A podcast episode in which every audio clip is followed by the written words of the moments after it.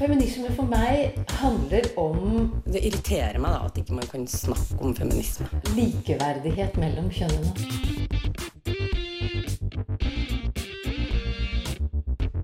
Det blikket på kvinnen på film. handlet det om å bli tatt på alvor som jente.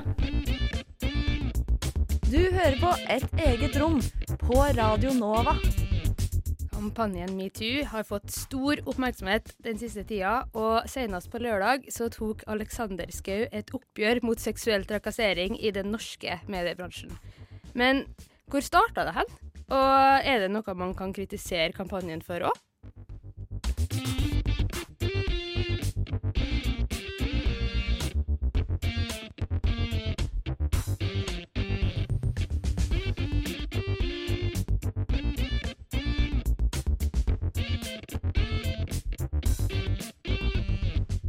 Ja, da er det mandagsmorgen, og et eget rom er tilbake.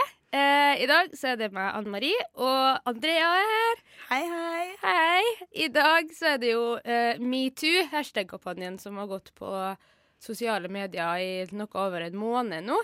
Mhm. Eh, men før vi begynner å liksom prate om alt det her, så må vi kanskje ha litt sånn Hva er egentlig metoo? Det er jo som du sier en kampanje som har pågått i det siste. Mm. Og eh, ja, det går jo ut på at folk deler opplevelser. Mm. Mhm. Opplevelser som har med uh, seksuell trakassering, er det vel kanskje hovedsakelig. Ja. Uh, litt sånn debatt om hvordan man skal definere det, hva som er uh, inn, innafor å bruke metoo på. da, At det er noen som sier at man skal skille mellom trakassering og overgrep og litt sånn forskjellige ting. Så det er masse å ta tak i her. Ja. Men uh, jeg tenker også litt, hvis vi skal si at uh, metoo handler om seksuell trakassering, så må vi jo kanskje ha med også litt sånn Hva er seksuell trakassering her, da? Ja. Og da har du funnet en definisjon, hadde du ikke det? ja, jeg har funnet paragrafen i likestilling- og diskrimineringsloven, som er paragraf 13, forbud mot å trakassere. Og der står det at med seksual trakassering menes enhver form for uønska seksuell oppmerksomhet som har som formål eller virkning å være krenkende, skremmende, fiendtlig, nedverdigende, ydmykende eller plagsom. Ja. Ikke Mm. sant? Mange forskjellige ting der, da. Men Ja. kanskje hovedtingen er liksom uønska seksuell oppmerksomhet, da. ja. Ja. Mm. Mm. Ja, og det her er jo noe vi finner i dag i både arbeidslivet og i skoler og mange sånne forskjellige ting. Men metoo handler jo kanskje først og fremst om ting som skjer eh, i arbeidslivet. ja. Det, vi, kan jo, vi skal jo senere se på hvor det hele starta hen. Ja, vi Så skal ja. Mm. Mm, vi skal se på hvor det starta hen. Vi skal snakke litt om det er noen ting man kan kritisere kampanjen for. Men uh, først så skal vi få besøk i studio. Det tror jeg blir veldig gøy. Av eh, Ragnhild Aas Harebo, som har gått ut og fortalt uh, en historie som hun opplevde. Men før det så skal vi få litt uh, musikk. Så her blir det Frida Skar sammen med Myra med Ljugliv. Ja, Frida Skarm og Myra med Ljugliv fikk du der. Og da har vi fått besøk i studio av Ragnhild Aas Harbo. Velkommen til deg. Takk skal du ha. Takk for at du kunne komme på en mandagsmorgen for å prate med oss. Det er veldig koselig. Ja, det er viktig, vet du. Ja. Eh, du har jo eh, delt eh, en historie eh, som skjedde med deg. Eh, og uten å sånn gå for nært inn på den historien, så lurte vi iallfall litt på eh, hvorfor du valgte å dele. Ja, altså det var Egentlig så hadde jeg ikke tenkt til å dele. Den tanken hadde ikke slått meg før jeg satt eh, hjemme en kveld og leste en NRK-sak med Harald Stanghelle, en tidligere kollega av meg. og folk kjenner jo han. Um, og han sa at det, nei, altså, det vi ser i USA, det skjer ikke i Norge. Eh, det er for gjennomsiktig til det. Og hvis det skjer, så er det opp til, altså, det er opp til de jentene som har opplevd det, å fortelle det. Og da fikk ikke jeg sove den natta. Og så tenkte jeg nå må jeg fortelle, altså. fordi hvis ikke så blir dette bare en overfladig debatt i Norge. Og jeg vet jo at det skjer. Mm.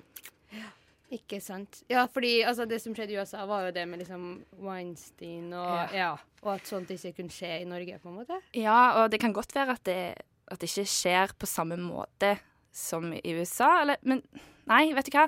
Nå har vi jo sett at det skjer. det blir så dumt å si, ikke sant? Eh, og jeg, altså, jeg kjenner Stanghelle, og han mente jo ikke noe mm, Han mente ikke noe vondt med det. Jeg bare tror at det viser litt den uviten som er, og som nå nå vet vi, liksom. Nå ser vi, og det var fordi at folk valgte å begynne å fortelle. Mm. At de Ikke fortalte, at andre heiv seg på. Ja. Har du fått noen eh, reaksjoner når du har delt, og i så fall, hva, hva syns du? Um, altså, jeg Det har egentlig bare vært positivt. Det er ganske sjukt. Ja, ingen Ehm, negative. Nei. Jeg var helt Jeg var, fikk jo sosial angst, jeg, etter liksom, Det ble jo debatt Altså, jeg havna jo på Debatten, Ja. og det var mye greier. Så nå tenkte jeg sånn Nå, nå kommer det rennende inn. Den helga så, så jeg for meg telefoner med voldtektstrusler og sånt. Men det var stille. Det var bare positivt. Ehm, men det tror jeg Altså Ja, jeg vet ikke hvorfor, men eh, de, de gode tilbakemeldingene har vært helt konge. Altså helt nydelig. Så Mm. jeg angrer jo ikke ikke på at jeg delte. Nei. Men det er jo skikkelig kult egentlig da, at det har vært bare positivt. At jeg òg kanskje tenkte litt om det, at det kunne ha kommet negativt. Ja. Hvorfor, hvorfor kommer det bare positivt? Tenker jo jeg litt, da. Hva? Men det er jo kjempebra. Ja, ja, ja. Ja. Helt nydelig. Eh, men fordi vi tenkte jo liksom litt sånn hva som ligger til grunn her, da, for Mm. den der metoo, at uh, menn tar for seg sånn som de gjør og sånn, skulle jeg si. Mm. Og så kom vi kanskje frem til at det har litt med sånn maktforhold i bransjene å gjøre. Uh, er det noe du er enig i? Ja. Um, og det tror jeg vi ser òg nå, mange har nevnt. Uh, meg òg, det at det er arbeidsgivers marked, uh, journalistbransjen. Det er beintøft.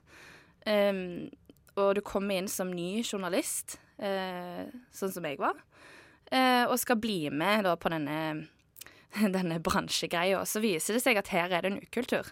Ja. Men det er ingen som snakker om han. Og skal du tørre å snakke om det da? Og jeg vil si at de aller fleste mannlige journalister jeg har jobba med, er jo greie folk. Veldig å tro. eh, men så Jeg følte iallfall veldig på den at her var jeg underlegen i den forstand at jeg var ny. Um, her var det en erfaren mannlig um, fyr som jobba i bransjen, som virkelig utnytta en situasjon som jeg ikke hadde kontroll over i det hele tatt, for jeg sov. Eh, Ja. Da har du ikke mye kontroll. Eh, og i etterkant òg, som jeg ser mange andre har fått, at det er litt sånn Og dette er fælt at det skjedde med deg, nå, men nå, nå prøver vi å løse det litt sånn i stillhet. Eh, og, men òg dette maktforholdet er en slags Jeg tror det at det er en slags mannekultur i denne bransjen, som mange peker på. Det må vi gjøre noe med, og det er det veldig mange som vil gjøre noe med, òg menn. Og det må vi, nå må vi bare gønne på Ja. og få endra dette her. Alexander Schou tok jo et Altså, han tok et slag Ja. for laget. Eh, så eh, dagens helt, altså. Ja. Uke og måneds, vet ikke jeg. ja. ja, fordi altså, sånn som du sier, da, det må endres og sånn, men hvordan skal man endre dette her, da? Hvordan skal man få de maktforholdene bort, på en måte? Jeg tror, vi, jeg tror faktisk at denne kampanjen har fått noe for seg her i Norge, fordi nå er det mange menn, mektige menn, som skjelver i buksene der ute. Ja. Um, og, og jenter som begynner å bli klar over at hei sann, jeg må faktisk si fra. Jeg kan si fra. Eh, og nå når, når det blir snakk om, for jeg tror før har det vært litt sånn altså at det skjer, så sier ikke hun, som har, hun eller han som har blitt utsatt for noe, noen ting. Og så sier ikke de rundt noe. Altså, du har jo hørt at som Alexander Schou sa, at når han har sagt fram ting, så har det vært Svaret har vært Slapp av, du skal slippe å jobbe med denne personen mer. Men det hjelper jo ingenting, for da er plutselig du det neste som blir utsatt. Og så Mm. er det plutselig han som forgriper seg, som, som får fortsette å jobbe, mens alle andre går rundt og gjemmer seg, eh, slutter, vet ikke jeg. Ja. Mm. Mm. Jeg svarte jeg på spørsmålet nå? Jo da, du gjorde det. Jeg tror vi er iallfall med på vei. Ja. ja, nei, for det er jo litt det der at det er på en måte litt samme maktforholdene i mange forskjellige bransjer. Så tenker jeg at da må det jo være et eller annet som er overordna problem her, da. Ja. Men det er jo litt som du sier, at man kanskje må ta det der og da, da kanskje.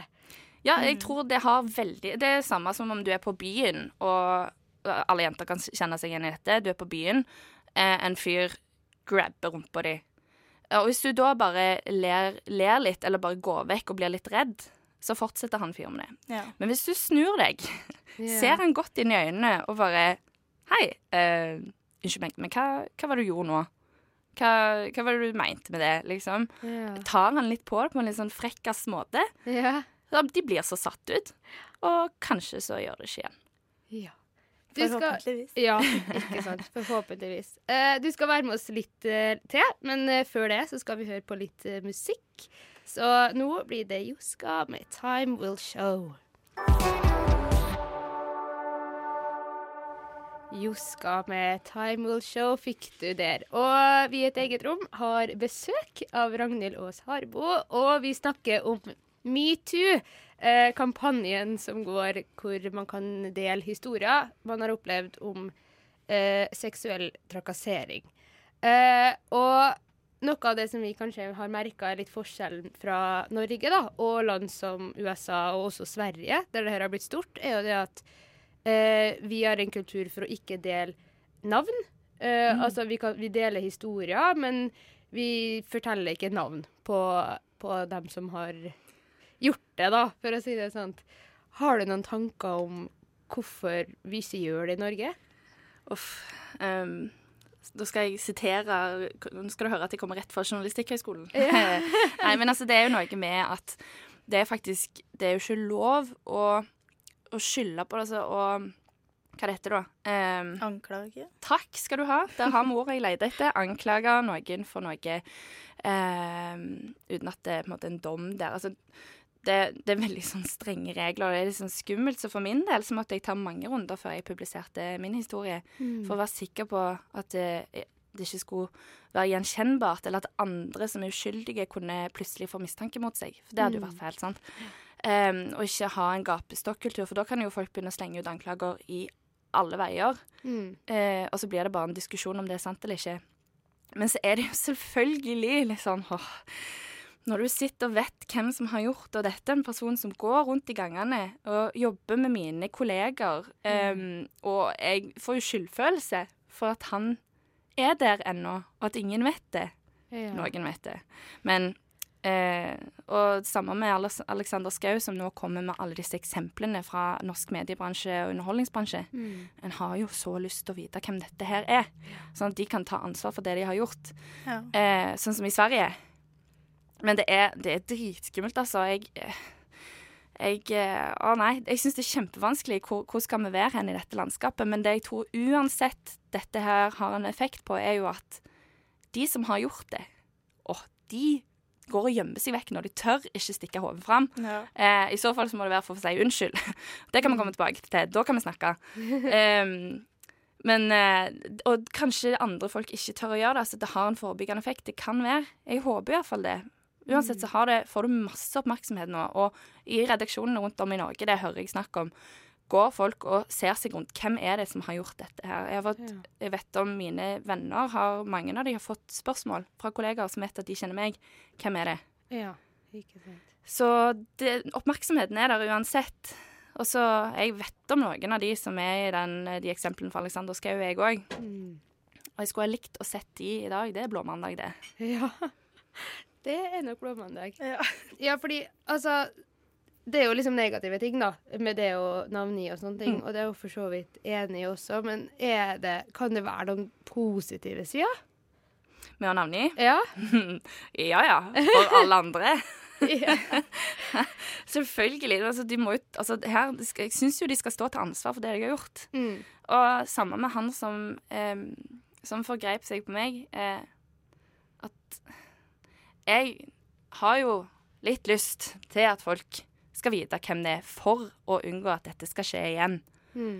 Um, men så er det allikevel en sånn stemme inni seg som er sånn Skal du det høres så fælt ut Skal du ødelegge et annet menneskes liv, på en Ja. måte? Mm. Det burde han kanskje tenkt på før han begynte å kle av en 22-åring som lå og sov i ei seng. Um, nei, fader heller. Har dere lyst til å navngi, eller skal vi bare kjøre på? Radio Nova eksklusivt. ja. Ah, ja, nei, men det er sant, det. Men eh, ja, fordi nå har jo denne debatten her gått eh, en stund, da. Ganske ja, lenge, egentlig, for å være en sånn debatt og holde trykket òg, mm. syns nå jeg, på en måte. Eh, hva syns du om hvordan debatten har utvikla seg?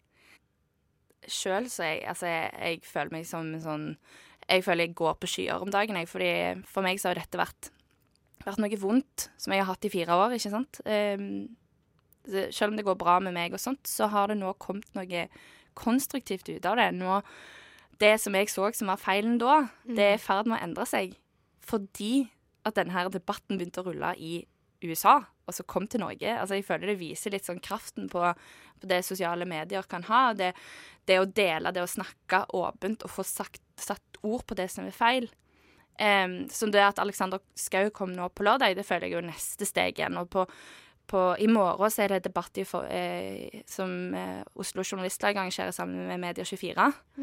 Der redaktørene kommer sammen for å snakke om hva har vi lært, hva skal vi gjøre. Der har du det som har skjedd i Norge, og jeg håper jo at det faktisk kommer til å få konkrete resultater. Og ikke minst at de her mannfolka kan holde smekken igjen, altså. For nå holdt jeg på å banne, men ja. Det er lov. Det er lov, det er lov på Nova. Er det det, ja? Ja, det går bra. Eh, men eh, på en måte, hvis vi skal på en måte avslutte på en litt sånn fremtidig eh, tone her, da. Mhm. Så eh, hva tenker du metoo vil føre til? Hvilke konsekvenser tror du det kommer til å få litt i det lenge løp? Jeg, selv om folk snakker om at eh, sånne holdningskampanjer ikke funker, Mm. Så tror jeg at det har en liten effekt allikevel, jeg, altså. Eh, jeg, jeg tror det denne gangen. At eh, nå folk går i seg sjøl, folk ser seg rundt, folk ser den emneknaggen overalt. Om, selv om de hater den litt, så er det veldig mange som, som heier på det. Og jeg, jeg tror og heier på vår generasjon, vi som er her nå. Altså, he, våre gutter, de har andre holdninger. Jeg tror på at de kan gjøre det bedre framover. Mm. Tusen takk for at du kunne være med oss på Radio Nova i dag. Det var veldig interessant å høre hva du hadde å si til den debatten i morgen. Det tror jeg vi alle skal prøve å høre på. Det blir veldig interessant å høre hva sa, eh, toppene i bransjen kommer fram til. Ja, heia, heia, sier jeg bare. Heia, heia. Får håpe det blir noen store endringer. Eh, på veien med deg ut så skal du få Marie Løvaas med Alt har sin tid. Tusen takk for at du kunne komme til oss. Bare kjekt. Marie Løvaas med Alt har si tid, fikk du der. Det er jo en eh, sunnmøring, så det er litt morsomt for oss. Samme fylke som vi er fra andre. Men eh, nå skal vi på en måte prøve å skru klokka litt tilbake, da. Eh, til hvordan starta metoo, liksom. Og hvordan har det klart å liksom, utvikle seg til å bli så svært. Ja. Eh, og det var jo liksom noe av det første som skjedde for å på en måte trigge det her, var jo Hollywood-guru, mu- mogel, kan man kalle han, eh, Harvey Weinstein. Eh, som ble anklaga for å ha gjort en rekke voldtekter og overgrep og gudene vet meg hva. Eh, tilbake i liksom Ja, ja var det er flere tiår siden òg. Ja, han har holdt på veldig, veldig lenge, men det var vel en annen artikkel i uh, New York Times 5. oktober. Nå fant jeg notatene mine, vet du. Ja. Eh, og at endelig noen gikk ut da, og sa det, på en måte. For det hadde jo liksom vært det som var litt problemet til disse journalistene, og sånn, at de hadde ikke fått noen som turte å gå ut og si det. Ja. Så da starta det. Ja, det var ei som heter Ashley Judd, som var en av de første som begynte å dele. Og det er jo veldig interessant å se hvorfor har det gått så mange år der ingen har sagt noe. Og det viser seg jo at eh, han eh, har betalt sine ofre da, eh, for å holde munn om saken. Og eh, ja. Og så ser man jo da at når den bobla sprekker ved at én tar til orde, så da ser man jo bare omfanget. Nå er det jo rundt 80 kvinner, tror jeg, ikke det? Mm, jo, det som eh, har kommet ut og fortalt mm. at, hva han har gjort mot dem. Og så, uh, ja, ganske tidlig da, så var det vel hun uh, Alissa Milano som laga den hashtagen. mm. Det var vel sånn det begynte, da. Ja. Mm. ja, ikke sant. Ja, fordi heldigvis, da, vil jeg si, så har det jo endelig fått litt konsekvenser for fyren, liksom. At Ja. han har jo nå på en måte eh, fått sparken, blitt kasta ut av eh, Filmakademiet, som er dem som driver med Oscar-utdelinger og sånne ting. Mm. Eh, ingen har lyst til å jobbe med fyren. Mange av vennene hans har liksom tatt avstand fra han. Eh, ingen av de rike vennene hans har lyst til å hjelpe han, fordi det er så opplagt at det her faktisk er sant. Ja. Sånn at eh, det skjer ting endelig. Men så er det jo litt tilbake til det vi snakka med Ragnhild om òg, det med maktforholdene. Mm. At det er jo best sannsynlig det som har gjort at det her kunne ha foregått så jækla lenge. da, At han er så forbarska mektig da, i Hollywood, på en måte. ja.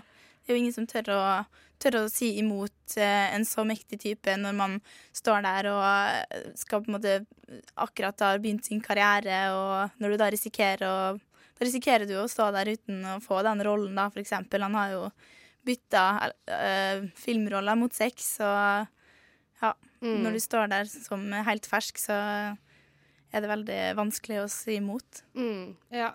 Men så er det jo sånn å si at bobla har sprukket, for nå er det jo flere liksom, kjente mennesker i Hollywood som også har blitt anklaga Mm. for det samme, så vi får jo bare være litt sånn optimistiske og tro at det her faktisk fører til ting. Mm. Eh, men vi får nesten se litt hvordan det blir. Eh, jeg tenker også litt på det, da, med at eh, Weinstein ble jo eh, navngitt, da. Ja. Tilbake til det med liksom sånn justismord og sånn, som Ja. vi snakka om. At kanskje i den hendelsen her, da, så var det litt nødvendig å Mm. faktisk navngi fyren. Fordi hvis det ikke, så har det bare blitt mange menn i Hollywood som gjorde det. Men Ja. ingen sa noe, på en måte. Mhm. Ja, det tilfellet her er jo, det er jo så omfattende, og han er jo så kjent at uh, Jeg tror jo uansett da, om man navngir eller ikke, så tror jeg jo det er mange innad i miljøet som veit hvem det faktisk er, da, når det, når det kommer ut sånne eh, anklager. Og så, som overskrifta var i den artikkelen, at det var den mest kjente hemmeligheten i Hollywood. Ja. Alle veit det, på en måte. Mm. Men eh, ja. Ja. Nei, enig i det, altså.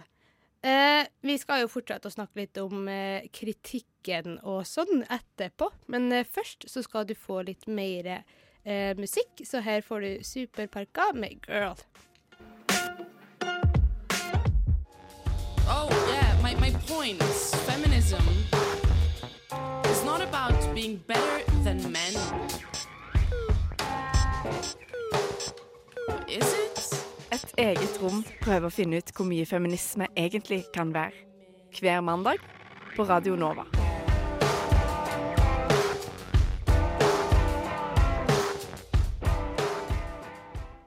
Ja, du hører fortsatt på et eget rom på Radio Nova, og det er Ann Marie og Andrea som er i studio. Og vi har kommet til den delen av metoo-sendinga vår hvor vi skal prøve å snakke litt om eh, om det er noe man kan kritisere kampanjen for, da. Vi må jo prøve å ha litt variert eh, syn på ting. Vi kan ikke bare rose alt. Nei, det går ikke. Ja, Så fant du noe kritikk, Andrea? Ja, det er jo den her eh, kritikken om at eh, er vi i dag eh, det vi kan kalle generasjon krenka? Mm. At skal vi på en måte være så hårsåre, da? Er det noen Mm. som eh, Ja. spør seg. Om eh, er, er det Skal man ta det som seksuell trakassering hvis man blir plystra på, eller ja, sånne type ting, da. Mm. Ja, ikke sant. Vet ikke helt om jeg kan si at jeg er enig i det. Uh. Nei, jeg tenker at eh, Ja, nei, man skal få lov til å eh, sette ned foten og si ja, vet du hva, det her er ikke greit. Ja, ikke sant. Pluss at jeg føler liksom at den type kritikk som det der er bare med på å skape mer skam og mer Mm. skyldfølelse og Ja. gjøre det vanskeligere å si fra utgangspunktet. da. Så jeg føler jo at den kritikken der er en sånn måte å bare få folk til å være stille, nesten. Ja, ja jeg syns ikke det, det er ikke så mye holdbarhet i det, kanskje. Nei, ikke sant. Men uh, noe som det kanskje er litt mer holdbarhet i, da, var at det er jo to stykk fra Psykologisk institutt ved NTNU, Ja. som annet også har vært med på Debatten på NRK og sånn, mm. eh, som heter Bendiksen og Kenair. Litt usikker på om jeg uttaler det riktig. Men eh, der de har liksom kommet med sånn tre punkter da, eh, til kritikk til metoo-kampanjen. Eh, Og det første er at metoo blir ei sovepute, som de kaller det. Eh, at man ikke har nok fokus på det at man må faktisk må forske da, for å finne ut hva som funker. At det blir på en måte en måte å ha det i rampelyset på, Mm. men uten at man egentlig gjør noe for å fikse problemene. da. ja. Ja. Eh, litt usikker om jeg er enig i den nå, egentlig. For jeg tenker jo litt sånn bare det at man deler i seg sjøl, viser omfang. Og jeg Mhm. tenker at det er bra Ja. i seg sjøl, da. ja, og det at folk har delt, er jo det som gjør at debatten har blitt så stor i dag, da. Mm. Ja, ikke sant? Man må jo ha oppmerksomhet rundt ting hvis man vil ha penger til forskning òg, f.eks. Så de bør jo egentlig være glad for det, kanskje, at det skjer Ja. ting, sånn at folk forstår at det er viktig, så de kan få penger, og så kan de få gjøre forskning si. se. Eh, men eh, det andre er jo også det at det ikke skilles mellom seksuell trakassering og overgrep. Mm. Uh, fordi at ifølge dem så er det noe psykologisk og noe juridisk her, og at det på en måte må skilles, da. Men jeg vet ikke helt om jeg forstår det heller, fordi vi leste jo eh, en lov skulle jeg si, tidligere i sendinga. Mhm. Og den sa jo at både seksuell trakassering og overgrep er ulovlig. Kanskje ulovlig for forskjellige ting, men at Mm. ingen av dem er lovlige, på en måte. Ja, altså det er jo klart at seksuell trakassering og et overgrep er jo to forskjellige ting. Mm. Men eh, det er vel på en måte ikke Det er jo ikke det som kanskje er hovedessensen i den kampanjen her, da. At det er jo mer det å, å få frem omfanget, da. Mm. Og at folk skal få lov til å dele. Mm. Så ja, jeg, jeg er jo enig i at det er to forskjellige ting, og av kanskje ulik alvorlighetsgrad Mm. i mange tilfeller. Men eh, ja, nei, jeg er veldig for kampanjen likevel, da. Ja, ikke sant. Ja, for det er jo også noen som har sagt det at ved å på en måte prate om det og få frem så mange historier som mulig, så er det jo større sjanse for at man får mer bevissthet rundt det. Og at det i seg sjøl kan være noe som hindrer overgrep i Ja. framtida, da. Hvis man på en Mhm. måte klarer å stoppe det på Ja. trakasseringnivå, da, hvis man Ja, skal slå kalle ned det på det måte. allerede ja. da, så forhindrer man kanskje at Mm. dem som er kapable til å trakassere, kan, hvis de får fortsette uten å få sanksjoner, da, så kan de jo da kanskje de, de lærer ikke at det ikke er greit, og derfor så vet de ikke hvor de skal stoppe, og så Mm. blir det Ja, skandale. Mm. Men uh, den siste kritikken da, fra disse NTNU-folkene er jo det at uh, den kampanjen her fremstiller uh, menn som overgripere og kvinner som ofre. Mm. På en veldig sånn svart-hvitt måte. da. At det ikke er gråsoner der man også tar høyde for at menn blir overgrepet av menn, og menn blir Mm. overgrepet av kvinner. Mm. Og jeg føler det er jo faktisk kanskje den kritikken som jeg kan henge ja. Ja. mest med på. At det er liksom viktig å framheve det at overgrep er noe som skjer med alle, da. Ikke Ja. bare kvinner, selv om tall viser at det skjer med mest kvinner. Mm. Ja, det, det, er jo, det er jo kanskje et viktig poeng, da. Og, men jeg tror også at eh, når kampanjen har pågått, så har man også mange som har skrevet hashtag metoo på vegne av andre. Mm. Og da, da er det jo, ser ikke noen grunn til å ikke kunne gjøre det på vegne, eller som gutt, da. Å Mm. kunne skrive hashtag metoo. Det, det er i hvert fall jeg veldig åpen for, da. Ja. Men eh, ja.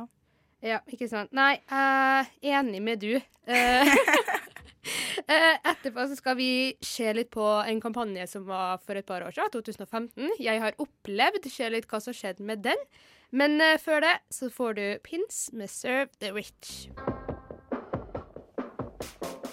Ja, der fikk du altså Pins med Serve the Rich. Litt sånn pop, pop, pop faktisk. Punk-vibes på et eget rom på en mandags formiddag. Eh, vi i et eget rom vi har jo hatt ei sending tidligere om eh, holdningskampanjer rundt likestilling. Eh, og da laga Linda Therese Rosenberg et innslag om 'Jeg har opplevd', eh, som har en del likheter med eh, metoo, som vi ser nå, da. Så vi tenkte kanskje det var på sin plass å ta tilbakeblikk på det. Så her får du 'Jeg har opplevd' med Linda Therese Rosenberg. Jeg har opplevd at en mann ikke ville slutte å ta på meg fordi han mente det var det jeg egentlig ville. Jeg har opplevd butikkjobb. Måtte be nabobutikkens vekter om hjelp til å fjerne mannlig kunde som tvang meg opp mot veggen og befølte meg. Jeg har opplevd at gamle menn spør om jeg tar private oppdrag hjemme hos dem når jeg er på jobb. Du husker den helt sikkert. Jeg har opplevd. Tusenvis av kvinner fra hele Norge brukte sosiale medier til å fortelle om egne erfaringer med seksuell trakassering. Hvorfor ble det så populært å fortelle disse historiene? Altså jeg tror det er en kombinasjon av at det nå ble en anledning, og at dette er et ganske alvorlig samfunnsproblem, og det er mye trykk. Altså det er mange kvinner som har opplevd seksuell trakassering og alvorlige overgrep. En ny, nylig publisert norsk eh, undersøkelse viste at 16, av 16- og 17-årige jenter var det over 13% som hadde opplevd alvorlige overgrep. Og det er mange, og de har behov for å gi uttrykk for det. Det fortalte psykolog Anders Skuterud til NRK. Det er 12. april 2015. Studenten Katrin Svanvik Frøyen skriver en kronikk i Aftenposten om egne erfaringer med seksuell trakassering. Kronikken er ment som et bidrag i debatten rundt Trygdekontorets trakassering av Kari Jakkesson. Jeg har fått høre at jeg trenger å få litt kuk for å bli blid. At jeg er for stygg til å bli pult, og en avskyelig hore når jeg selv velger hvem jeg vil ha sex med. Når jeg setter grenser, har jeg vært surmaget, bitter, stygg og frigid. Jeg er blitt utskjelt ansikt til ansikt. Da forteller de meg hvilken avskyelig, nedrig, skitten og verdiløs hore jeg er. Frøyens kronikk fikk flere til å stille spørsmålstegn. Hvordan er virkeligheten til norske kvinner egentlig? Og hva er det med enkelte norske menn? Jeg har opplevd å blitt kalt fitte og hore på nattbussen fordi jeg nekta å fortelle en aggressiv gutt hvor jeg var på vei. Jeg har opplevd å bli fulgt etter fra utested og helt hjem. Måtte få hjelp av fremmed for å komme meg inn døra og få låst. Mindre enn én uke etter at tidsskriftet Fett lanserer emneknaggen med oppfordring til kvinner om å dele egne historier, sprer emneknaggen seg til Danmark. Jeg tror nesten alle jeg kjenner har hatt sånn opplevelse, minst én i hvert fall. Og, altså, det syns jeg er totalt forferdelig. Altså, det er ubehagelig. Det er nederen. Det er ikke så superfett, og man føler seg en smule sådan, Ja, det ved jeg ikke. Det, det føles bare vildt ubehagelig. Historiene fortsetter på norsk og på dansk. Samtidig fortsetter debatten både i artikler og i kommentarer. Menn føler seg som ofre for en unødvendig generalisering. Hvis de aller fleste menn oppfører seg ordentlig, hvor mange er det som ikke gjør det? Og hjelper det egentlig å fortelle om det? Jeg tror som i det meste av kommunikasjonens verden så må vi se på hva slags effekt har det. Og i verste fall blir det jo bare mer polarisering og ikke noe mer forståelse. Og da sitter du heller ikke igjen med noen følelse av at dette var ålreit, for da får du så mange motreaksjoner. Men så langt er det min vurdering at dette i hovedsak har vært ålreit for de kvinnene som har sluppet ut. Også i Danmark blir 'Jeg har opplevet' sett på som en positiv måte å få frem kvinners historier om trakassering, diskriminering og seksuell vold. Det gir en mulighet til å sette fokus på og tale om sexisme, uten at man blir satt i bås som rødglødende rødstrømpe. Det gjør det enklere å tale om, og mange nye stemmer kommer til. Det er viktig og nødvendig hvis det skal skje forandringer forteller nestforkvinne i Dansk Kvinnesamfunn Ulla Tornemann i et intervju til DR. Og det begynner å skje noe. I Danmark tar flere ministre til orde for at holdningene bak seksuell trakassering bør bekjempes. Men konkrete tiltak uteblir. I Norge blir likestillingsminister Solveig Horne stilt til veggs, og i oktober kommer stortingsmelding 7 om norsk likestillingspolitikk. Seksuell trakassering, særlig blant unge, er et av temaene som vies plass. Meldingen poengterer at særlig unge må bevisstgjøres om grensesetting og respekt for egen og andres kropp. Det viktigste er at ungdom skal bli bedre rustet mot seksuell trakassering. Meldingen forteller Departementet skal gjennomføre en kunnskapsoppsummering om seksuell trakassering, som kan bidra med å identifisere ubesvarte forskningsspørsmål. Skolens arbeid mot seksuell trakassering blant unge skal styrkes. Kunnskapsdepartementet får i arbeid å utarbeide relevante forslag til hvordan. Barne-, likestillings- og inkluderingsdepartementet vil vurdere å støtte frivillige organisasjoner i å utvikle og tilby undervisningsopplegg rettet mot elever i ungdomsskolen. Men så langt er det min vurdering at dette i hovedsak har vært ålreit for de kvinnene som har sluppet ut. Ja, det var så Linda Therese Rosenberg med 'Jeg har opplevd'-kampanjen, med lydklipp fra NRK P1 og DR, eller Danmarks Radio, er det vel det står for. Eh, 'Jeg har opplevd' var jo veldig svært i 2015. Husker du den, Endre? Dessverre. Ja, ikke sant? Men jeg tror Mm. det er det som er litt sånn gjennomgående, da, at det er veldig få som egentlig husker hva det var for noe. For det var veldig likt at jenter eller damer eller menn og kvinner og gutter og gud vet meg hva, eh, kunne skrive liksom hashtag 'jeg har opplevd' og så fortelle sin historie om seksuell trakassering. Uh, men det har jo litt forsvunnet, da, den kampanjen. Ja. Ja, Så da er jo spørsmålet fungerer de? Ja. Mm. Det blir jo interessant å se da, om den kampanjen her også Forhåpentligvis så forsvinner ikke den i, med tida, på en måte. Mm. Får håpe at det blir eh, eh, tiltak som står da, Ja. etterpå, sånn at eh, den ikke Mm. blir glemt. Ja. Eh, vi skal snakke litt mer om eh, det her uh, etter en liten sang, og litt mer om konsekvenser som metoo kanskje forhåpentligvis har hatt. Uh, men før den så skal du få Shiara Hunter featuring Gifted Gab med War.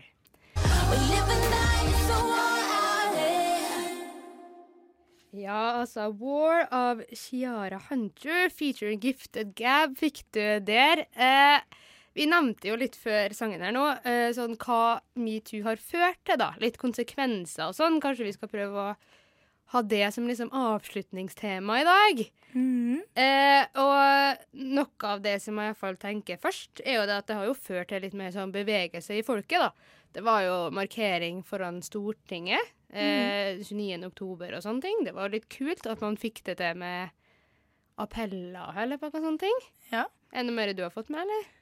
Det er vel kanskje det at det bare ligger på alles lepper, da. At alle snakker om det. Mm. Og at det er liksom Ja. At det er stort fokus på det i media, da.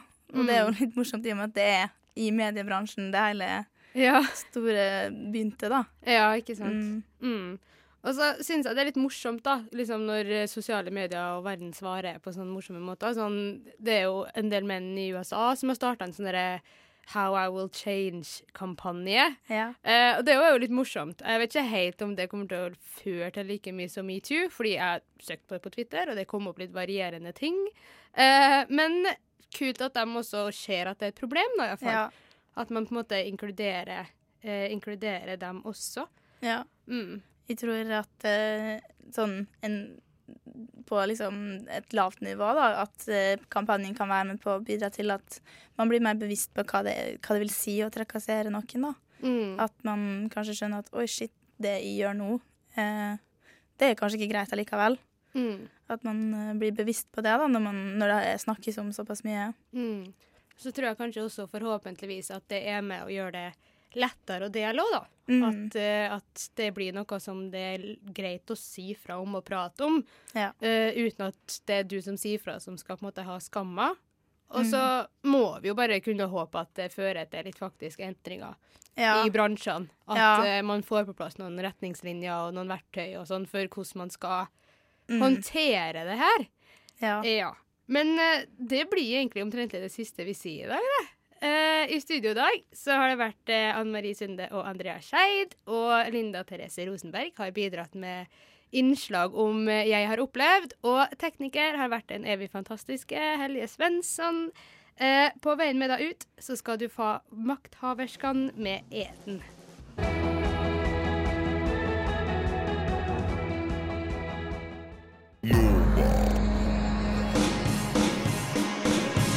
Du har hørt en podkast fra Radio Nova. Likte du det du hørte?